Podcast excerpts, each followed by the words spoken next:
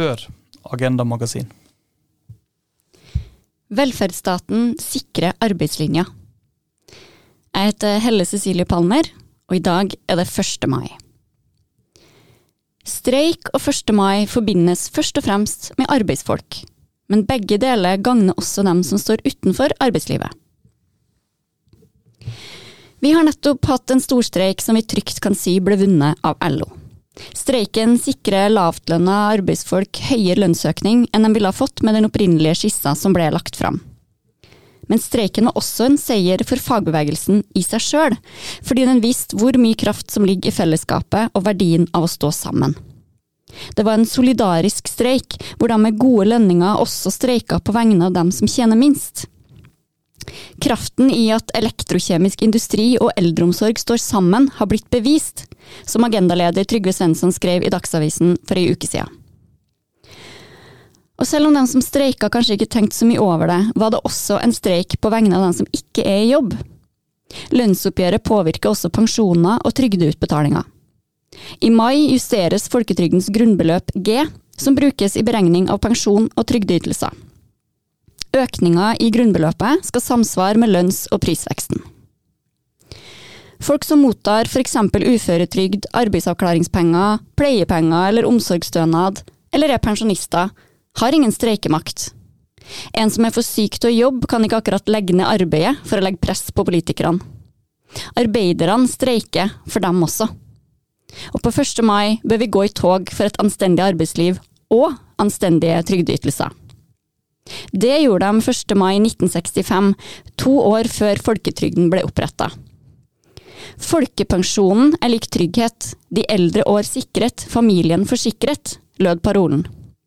Sånn har fagbevegelsen også vært pådrivere for et velferdssamfunn som tar vare på alle innbyggerne sine. Dette velferdssamfunnet er stadig under press. Høyresida har brukt åtte år på å løsne noen av maskene i sikkerhetsnettet som skal ta imot oss hvis vi faller. Det snakkes om en bærekraftig velferdsstat, det snakkes om at ytelsene for folk som ikke kan jobbe, ikke må være så gode at det ikke lønner seg å jobbe.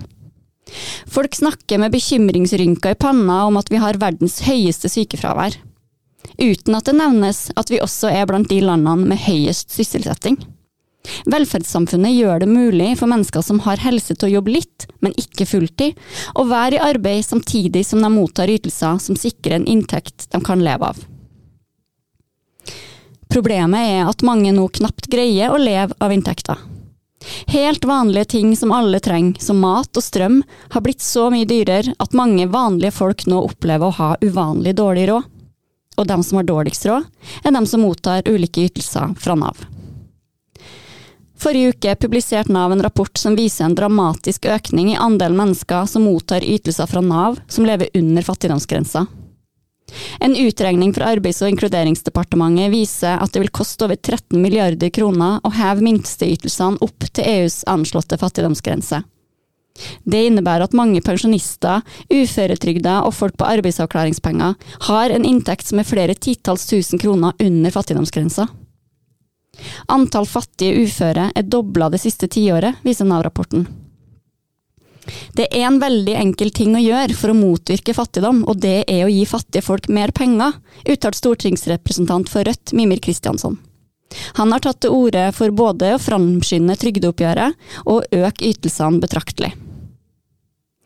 Nå som vi har kommet dit at Nav-ansatte henviser mennesker til Frelsesarmeen, er det helt nødvendig å diskutere den såkalte arbeidslinja.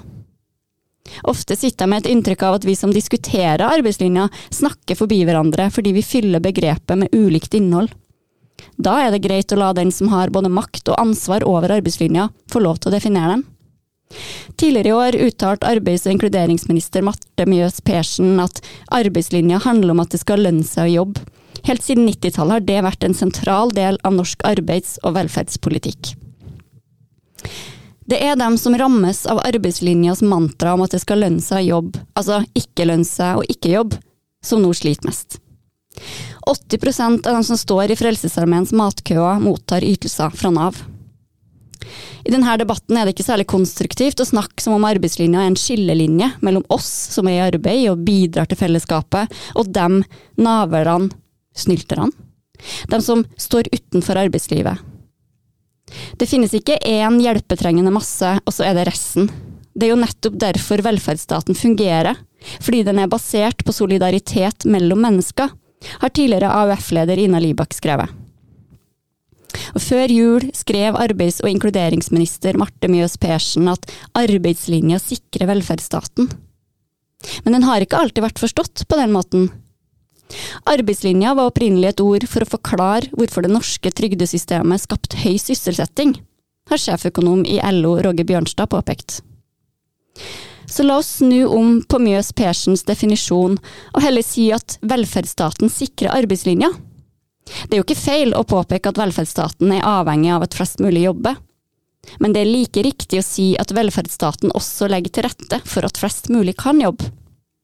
For det første fordi det som sagt gjør det mulig å kombinere arbeid og velferdsytelser, f.eks. hvis du mottar uføretrygd, men er i stand til å jobbe litt. I land som har dårligere velferdsordninger, har de også lavere yrkesdeltakelse.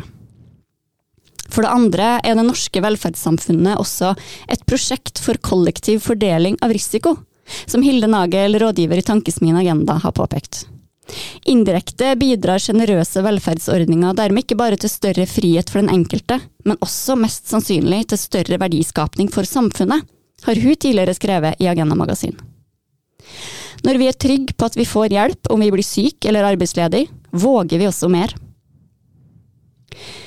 Før trygdeoppgjøret er klart, er det duka for et trygdeopprør på Arbeiderpartiets landsmøte senere denne uka. Der har det kommet inn mange forslag om å øke trygdeytelsene.